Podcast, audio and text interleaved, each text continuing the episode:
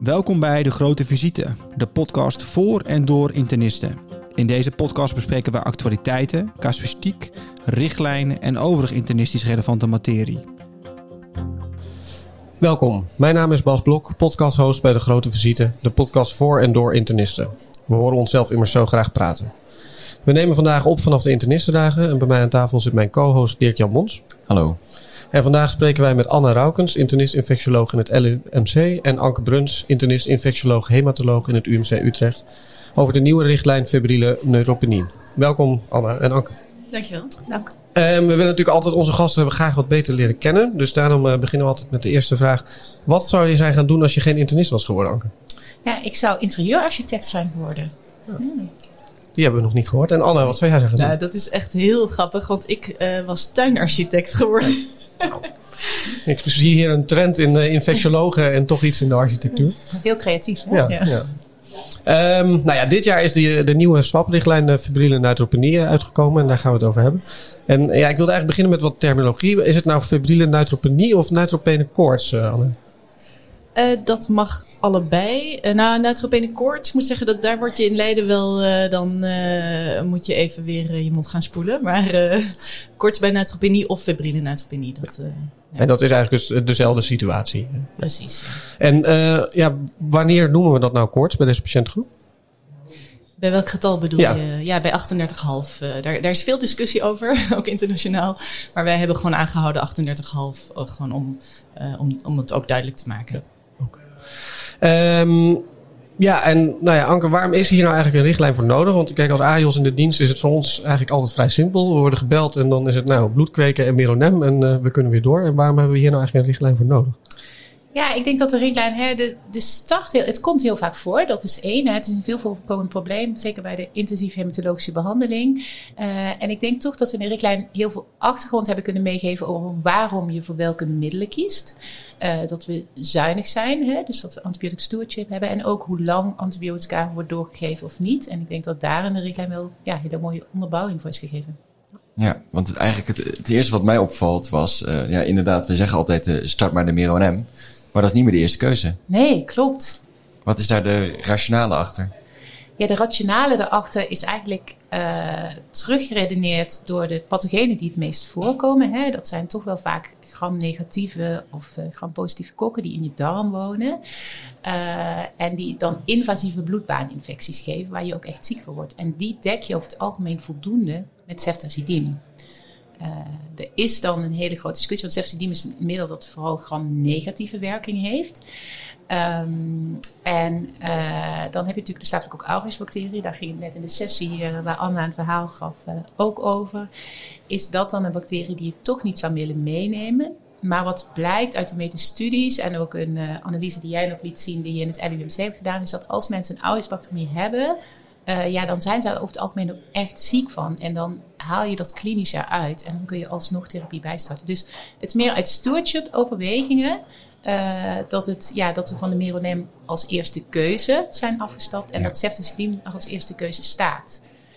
Uh, ik weet alleen niet de uptake van de richtlijnen. In veel ziekenhuizen wordt Meronem gegeven. Wij doen het zelf in Utrecht ook nog. Um, ja, die, dat is nog niet overal doorgevoerd, omdat we toch denken, ja, dat is een kwetsbare patiënt vaak ziek, is veel, speelt veel ruis omheen. En uh, ja, dan ben je qua smal spectrum antibiotica met ceftriaxone natuurlijk heel goed af. Uh, maar je wil achteraf ook niet heel veel andere antibiotica gaan bijstarten of vaak wisselen. Uh, dus dat is ook wel een overweging uh, ja, waarop je zegt van nou, dan hou ik toch de meer op het Ja, in mijn formularium erin. Ja. ja. Hey, en de richtlijn uh, maakt, een hele, ja, maakt een onderscheid tussen ja, de standard risk en de high risk uh, neutropene patiënt. Uh, ja, wat voor verschillende patiëntenpopulaties zijn dat eigenlijk, Anna? Ja, klassiek zijn denk ik de standard risken, waarbij je verwacht dat mensen een, een uh, neutropenie duur korter dan zeven dagen hebben. Ja, dan denk ik toch vooral aan de, de solide oncologie patiënten. Natuurlijk is er wat overlap hoor, maar en bij de high risk, uh, hoge risicopatiënten, die hebben een verwachte uh, neutropenieduur van langer dan zeven dagen, waar dan ook mucositis mee gepaard gaat. En allerlei andere complicaties. En dus dat is dan de, de hematologie-patiënt, als ik het even heel grofweg uh, indeel. Ja. En, en ja, waarom verschillen dan de soorten infecties die we zien bij die twee uh, patiëntenpopulaties? Ja, met name door wat er bij die neutropenie ook komt kijken. Zoals ik net al noemde, die mucositis. Hè, dat zie je dus echt niet bij die standaard risicopatiëntengroep. Um, en ja, de duur van neutropenie maakt natuurlijk ook uit. Hè, hoe, uh, als, je, als je granulocyten alweer aan het opbouwen zijn, dan, uh, nou, dan tackle je al meer uh, infecties zelf. Heb je daar geen antibiotica voor nodig. We hoorden net al even de pseudomonas. Ik vroeg me af, waarom zien we nou zoveel minder pseudomonas bij standard risk neutropene patiënten uh, dan bij die high risk? Is daar nog iets specifieks uh, aan pseudomonas? Um, nou ja, je ziet natuurlijk alle soorten uh, infecties meer bij die high risk patiënten. Niet per se die pseudomonas veel meer bij de, in verhouding, hè, veel meer bij de hoogrisicopatiënten, maar wel dat de pseudomonas echt een hele grote uh, mortaliteit kent. En dat is met name het verschil. Um, daarom zijn we daar zo op gericht in deze richtlijn om die vooral te dekken, in te dekken. Daar is ook van oudsher, als ik daar aanvul, denk ik, hè, zijn alle, alle studies naar gedaan. Hè. Er zijn uh, in het verleden grote vergelijkende trials gedaan de verschillende antibiotica die je kunt geven voor koorts en neutropenie. En dan is eigenlijk allemaal gefocust op de high risk groep. Hè. Dus veel, nou is één grote studie ben ik niet hard, maar de meeste op de high risk groep. En het adagium is wel dat je altijd dekking voor pseudomonas meegeeft. Omdat we weten, als je die niet empirisch meedekt en je blijkt achteraf toch een pseudomonasbacterie te hebben, ja, dat geeft dan een hoger risico op mortaliteit. Ja, dus dat, dat houden we erin. Ja, en dat is dus misschien ook meer de rationale voor nou ja, de meronem en de breed spectrum. Meer dan dat je bang bent voor resistente organismen bij deze patiënt. Nou, ceftazidime dekt ook een pseudomonas ja. natuurlijk heel goed. Uh, ik denk de rationale om bijvoorbeeld waarom het bij ons nog niet is veranderd, is dat wij denken, nou, we, we, geven vooral heel kort antibioticum. Uh, en we willen ook zo min mogelijk wisselen van antibioticum. Uh, en we hebben een resistentierate uh, van, ja, van ESBL's toch wel aanzienlijk bij ons in de inventarisatie kweken. ja, dus dat maakt mij dat wij pragmatisch zeggen, we geven meronem, maar dan wel heel kort. In de hoop dat we daarnaast ook niet in de dienst als iemand kort werd houden, toch heel snel vanko bij moeten starten of nog een keer Genta geven. Um, maar ja, dat, dat is een vorm van stewardship, denk ik, ja, die we heel erg moeten gaan onderzoeken. Hè? En dat, dat is gewoon nu nog niet duidelijk. Dus dat willen we ook doen met de richtlijn. Dus vervolgen van hoe is het Hè, hoe is deze richtlijn in de centra geland? En als je dan toch voor die ceftazidime kiest, ga je dan meer andere antibiotica bij starten? Of blijft het bij die cefta? Ja, en als het bij die cefta blijft, dat is heel mooi, zeg maar. En dan uh, verwacht ik ook dat, je, dat nog meer mensen toch durven te wisselen. Ja. Zoals altijd, altijd discussie hè, in infectieziekten van doe je, begin je breed en doe je step down of begin je smal en doe je step up. Hangt helemaal af van hoeveel risico je patiënten lopen, hoe goed je stewardship beleid is. Hè. Zitten de infectiologen er bovenop, uh, wordt er snel gestopt. Dat zijn allemaal, allemaal variabelen die meespelen. En daarom geven we natuurlijk ook die keuzemogelijkheden dat je voor jouw centrum de best passende therapie kunt kiezen. Um, ja, en ik hoe, hoe komt het eigenlijk dat we relatief slecht weten wat nou die, die micro-organismen zijn die die koorts geven? Ik heb mijn ervaring ook. Uh, je doet vaak bloedkweken, maar heel ja, regelmatig leveren die toch niks op. Hoe, hoe komt het nou eigenlijk dat we dat zo vaak niet vinden? Omdat er ook heel vaak koorts is zonder dat er uh, een infectie uh, speelt natuurlijk. Hè.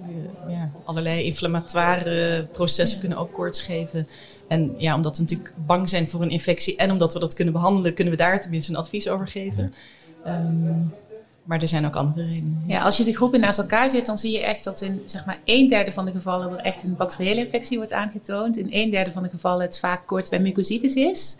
En de andere een derde ja, een inflammatoire reactie. Dus het, ja, het is gewoon een meer, minder deel van de, patiënt, van de Renovinchen pathogeen. Ja. ja, maar als je nou een patiënt hebt die nou enorm veel mucositis heeft, waarvan je dat al weet, uh, en, en die krijgt koorts, ja, moet je dan überhaupt wel starten met antibiotica? Of zou je ook gewoon kunnen zeggen, het is mucositis. Ja, dan gaat het dus precies over die risicoafweging. Ja. Hè? En dan vinden we die patiënt toch dusdanig kwetsbaar. En we weten gewoon, als je dan toch die pseudomonas niet mee zou behandelen, of die antigram negatieve, dan ligt die patiënt vanochtend op de IC. Dus we starten de antibiotica, nemen de kweken af. Maar als we dan zien dat na twee dagen die kweken negatief zijn, dan mag je ook stoppen. Ja. Hey, en um, deze patiëntengroep kan natuurlijk ook echt heel erg ziek worden van fungale uh, infecties. En um, ja, moeten we nou ook al pragmatisch meteen indekken voor dingen zoals Candida of niet?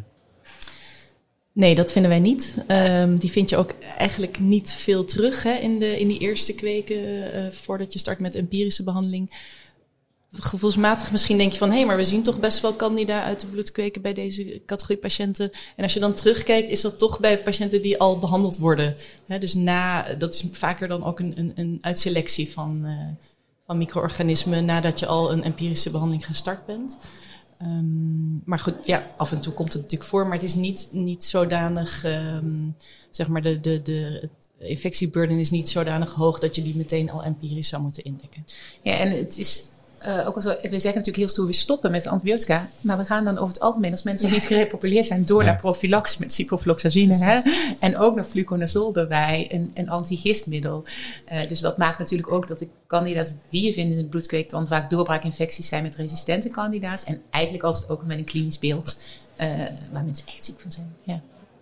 Ja, daar zou ik nog inderdaad aan willen toevoegen. Dus de, de richtlijn is echt voor patiënten met koorts bij onbekend focus. Hè. Dus zodra je een klinische verdenking hebt op een focus, dan verandert het natuurlijk. Dan ga je daarop eh, richten. Ja, dan ga je gericht behandelen op die infectie. Ja. ja. En de behandelduur stipten we ook al even kort uh, aan. Um, gisteren presenteerde Nick de Jonge hier ook een, een toppublicatie over uh, nou, korte versus lange behandeling. Uh, ja, wat zegt de richtlijn hier nu over? Ja, ja, nou ja, wij zijn dus een beetje buiten het boekje gegaan in de richtlijn misschien. Maar hè, internationaal is er echt evidence dat je niet langer dan drie dagen hoeft te behandelen bij koorts in uh, neutropenie. Uh, maar als je dan naar studies teruggaat en kijkt naar hoeveel bloedkweken er nog positief worden na 48 uur, dan is dat minder dan 3%. En op basis daarvan hebben wij durven te zeggen, jongens, we kunnen ook echt na twee dagen stoppen als die patiënt stabiel is. Uh, hè, als je, en als je natuurlijk een, een verwekker hebt gevonden, dan switch je naar adequate therapie. Maar dit is echt de empirische therapie. Dus de, hè, de, therapie zonder dat je nog een diagnose hebt. We hebben koorts in neutropenie. Ja. ja. Ik ben heel benieuwd hoe dat in de praktijk ja, ik gaat. Ook, ja. In ons ziekenhuis is dat echt nog wel uh, een discussiepunt. En uh, we kaarten het aan. Maar in de praktijk uh, wordt het toch al, nog steeds wel langer doorbehandeld. Ja, en die is bij ons dan wel gelukt. Dus bij ons is... Hè, de, je, hebt jullie, je hebt wel SEPTA in het boekje. En bij ons is... Um, maar het, is, het heeft vaak ook met logistieke zaken te maken. Dan wanneer komen die bloedkweken op het laboratorium terecht? Zijn ze in de dienst afgenomen? En, hè, um, dus dat speelt ook een rol. Ja. ja. we spraken gisteren Nick de Jonge ook over. Die zei dat het echt wel een uh, opgave was om ook die studie te doen. Omdat mensen uh, ja, toch echt heel erg vasthouden aan wat ze al, uh, al zo lang deden. Inderdaad. Ja. Um, ja, en als we dan naar die andere patiëntengroep kijken, hè, dus meer de standard risk patiënten. Um, ja, hoe kunnen we daar dan een beetje inschatten hoeveel risico zo'n patiënt loopt uh, op, uh, als hij koorts krijgt? Ja, er is een, een score voor, de MASC-score. Um, ja, dat neemt mee leeftijd, uh, neutropenie, nou, allerlei uh, variabelen zitten daarin. En als je die optelt en je komt boven een bepaalde score, um, het is een beetje contra-intuïtief dat hoe hoger je score, hoe minder risico je loopt. Ja. En op basis van die score kun je gewoon een afweging maken. En we kennen in de kliniek denk ik allemaal wel die die patiënten ja, die wel koorts hebben, maar verder helemaal niet ziek zijn. Nou, die hebben dan zo'n hoog, hoge mask-score. En die kun je dan ook thuis uh, behandelen met orale antibiotica. Ja. Is dat de praktijk uh, ook wel uitvoerbaar? Of worden we toch allemaal een beetje zenuwachtig? Uh, um, volgens mij gebeurt dat in de praktijk wel veel. Ja, het, het gebeurt. En in, er zijn ook wel in de richtlijnen ook wel uh, ja, aan vasthouden dat je natuurlijk moet vergewissen van de praktische omstandigheden. Hè? Dus als je zo iemand met een lage score naar huis stuurt, dan wil dat wel zeggen dat iemand pillen kan slikken. Dat iemand binnen hè, twee uur, een uur van het ziekenhuis woont. Dat er iemand thuis is die een beetje op een persoon kan letten. En dat je follow-up hebt georganiseerd. Ja. Hè? En daar vaak komt het ook op dit soort praktische zaken neer. Uh, of je dat dan echt gaat invullen of niet. Maar ik denk dat het heel veilig kan. En dat de kwetsbaarheid van mensen met uh, standaard risk, hè, noemen we het eigenlijk. Uh, ja, dat dat een heel stuk minder is dan de opgenomen patiënt in het ziekenhuis. Ja. En het vaak ook gewoon virale luchtweginfecties zijn. Uh, ja. En als we ze thuis behandelen, welke, welke middelen moeten we geven dan? Ja, wij, wij geven dan uh, um, uh, amoxicilline, clavilaanzuur en ciprofloxacin. Maar uh, je kunt ook moxifloxacin geven. Dat is in studies is er eigenlijk geen verschil in, in complicaties gezien. En waarom beide? Wat, uh, wat moeten we extra indekken bij deze patiënten dat je niet met één middel toe kan? Met, met de Cipro dus ook de gram-negatieve. Ja. ja. En dat is best behoudend hoor. Daar is gewoon nog niet zo heel veel onderzoek naar gedaan, denk ik. Hè? Want eigenlijk het is best wel gek, want je stuurt een patiënt met vijf pillen naar huis. Uh, uh, en uh, dan is moxifloxacin zeker aantrekkelijk omdat één tablet is. Maar het is wel echt een reservemiddel dat we heel graag achter de hand houden. voor als zo'n patiënt een keer misschien in palliatieve fase komt. Um, maar dat is misschien nog wel mooi onderzoek voor de toekomst. Of dit echt wel zo breed moet. ja. ja. En uh, bij de patiënten met een lage MAS-score, die dus zieker zijn, um, wat voor aanbevelingen doet de richtlijn uh, wat we daar moeten starten? Ja, daar hebben we nu aanbevolen, aanbevolen om gewoon het sepsis-ECI-protocol te volgen, wat uh, iedereen in zijn eigen ziekenhuis heeft. Nou, dus bijvoorbeeld een ceftriaxon of dergelijke is dan ja. een goede optie. Ja. Um, ja, en dan als we het hebben over die opgenomen patiënten, zeker natuurlijk die high-risk patiënten die bij de hematologie liggen, die hebben natuurlijk ook vaak een centrale lijn. Um, bij welke patiënten moeten we nou eigenlijk beducht zijn op een, uh, op een lijninfectie? Ik denk dat je bij elke patiënt beducht moet zijn op een lijninfectie, want mensen hebben langdurig een lijn. Um, uh, ja, ik denk dat dat altijd iets is dat heel belangrijk is in je DD. En uh, um, natuurlijk, je, je kijkt naar die lijn, je ziet of die ontstoken is of niet, of die lang in zit, ja. of die nog goed functioneert. Ja, en anders vind je ook je bacteriën in het bloed die, die passen bij een lijninfectie. En wanneer wissel je de lijn? Wanneer zou je hem eruit moeten halen? Ja, vooral bij echt, uh, zeg maar, je wisselt hem in principe altijd bij een lijninfectie. Maar bij de hematologische patiënt met laag pathogene micro-organismen, zoals CNS'en, kun, kun je ook de lijn in situ laten, maar dan behandel je wel voor een lijninfectie. Maar in principe is altijd bij een lijninfectie het adagium de lijn verwijderen. Um, en antibiotica geven bij hoogpathogene micro-organismen en laagpathogene micro-organismen. Ja, kun je lijnsparend zijn, uh, maar dan moet je wel antibiotica geven. En we hoeven dus niet empirisch al bij de eerste koortsepisode de lijninfectie mee te dekken. Nee, en de reden daarvoor is, is dat de, de verwekkers die daarmee gepaard gaan met een lijninfectie, die, uh, die zijn in principe wat lager virulent. Um, en daar kun je best even afwachten tot de bloedkweek positief wordt en dan je, je antibiotische behandeling daarop aanpassen. Ja. En ik denk dat veel van ons wel al um, bij deze patiënten en koorts ook even naar de, die insteek van die lijn kijken. Maar ja, ik moet zeggen dat de keren dat ik daar echt iets aan heb gezien, die, uh, nou, dat is echt niet vaak. Hoe gevoelig, ja, hoe betrouwbaar is het nou dat we die uiterlijke tekenen zien om die lijninfectie vast te stellen? Ja, dat is met veel dingen denk ik die we proberen vast te stellen. Natuurlijk, als het rood is of je ziet daar pus, dan is het duidelijk. Als je het niet ziet, kun je het daarop natuurlijk niet uitsluiten. Dat, uh... Um, ja, en dit, is, dit gaat dus echt over patiënten met chemotherapie en uh, neutropenie. En um, we hebben natuurlijk ook patiënten die vanwege andere redenen neutropeen zijn. Kunnen we deze richtlijn daar ook voor gebruiken als uh, handvat uh, wat we daar zouden moeten doen bij de infecties? Nee, want voor die patiënten is er eigenlijk niet genoeg literatuur om. dus daar, daarom hebben we die ook heel expliciet buiten beschouwing gelaten. Ja.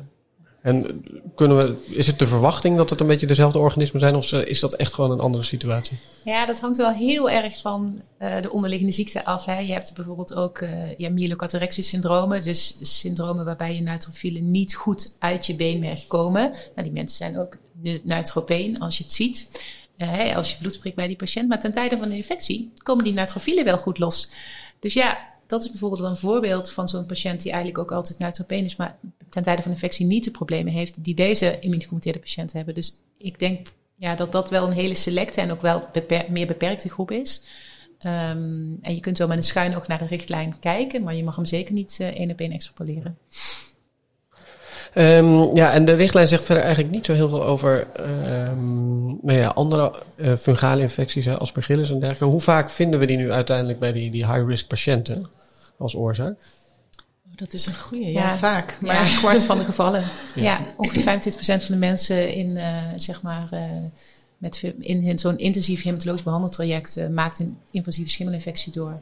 Alleen dat is heel, daar is een andere richtlijn over, hè, dus de behandeling van invasieve schimmelinfecties. en het is bewust buiten de scope gelaten. We hebben wel volgens mij aan de aanleiding van een commentaar nog even een hint, nog e toch wel extra duidelijk gegeven, want dit is natuurlijk waar je aan moet denken en de logische vervolgstap bij iemand met aanhoudende koorts en neutropenie. Maar niet iets wat je in de empirie gaat meenemen. Nee. En hebben jullie, want uh, een richtlijn wordt gepubliceerd en dan komt er daarna natuurlijk altijd commentaar. Um, zijn er nou nog belangrijke punten in het commentaar gekomen waarvan jullie zeggen, nou daar hebben we nog dingen op aangepast of uh, dat hadden we zelf nog niet zo meegenomen? Vooral meer uitleg gegeven, dus er kwam vooral commentaar over die gram-positieve, hè, de aureus en de streptokokken die je niet mee behandelt als je kiest voor ceftazidime monotherapie als, uh, als eerste keuze. Um, ja, dus daar hebben we gewoon in de richtlijn ook uitgebreid zijn we daarop ingegaan waarom we dat niet hebben gedaan. Hè? Dus die aureus, omdat je dan klinisch eigenlijk toch altijd wel een goed focus uh, daarvoor vindt. En die streptokokken, omdat je daar, uh, die komen heel snel uit de bloedkweek. Um, als die de verwekker zijn, dan kun je therapie daarop aanpassen. En met de dosis ceftazidime die, die geadviseerd wordt, uh, behandel je die misschien ook nog wel enigszins mee. Nou, duidelijk. Dank jullie wel voor uh, uh, het toelichten van deze richtlijn. Ik ben benieuwd uh, hoe lang het duurt voordat we in Nederland allemaal overgaan op 48 uur Meronem of je ceftazidime en dan stoppen. Ja, ja precies. Ja. Nou, goed. Dank voor de uitnodiging. Ik hoor een heilig huisje 2023. Ja, ja. Dankjewel voor het luisteren naar deze aflevering van De Grote Visite. Een podcast van de Nederlandse Internistenvereniging. Dank aan mijn podcastcollega's Anna Verhulst, Maria Sleddering, Lara Hessels en Dirk-Jan Mons. De productie was in handen van Met Online. Abonneer je op De Grote Visite via je favoriete podcastkanaal, zodat je geen aflevering mist. En deel deze podcast ook vooral met je collega's. Vond je het leuk om te luisteren? Geef ons dan een review, zodat we beter te vinden zijn voor andere luisteraars. Tot de volgende keer.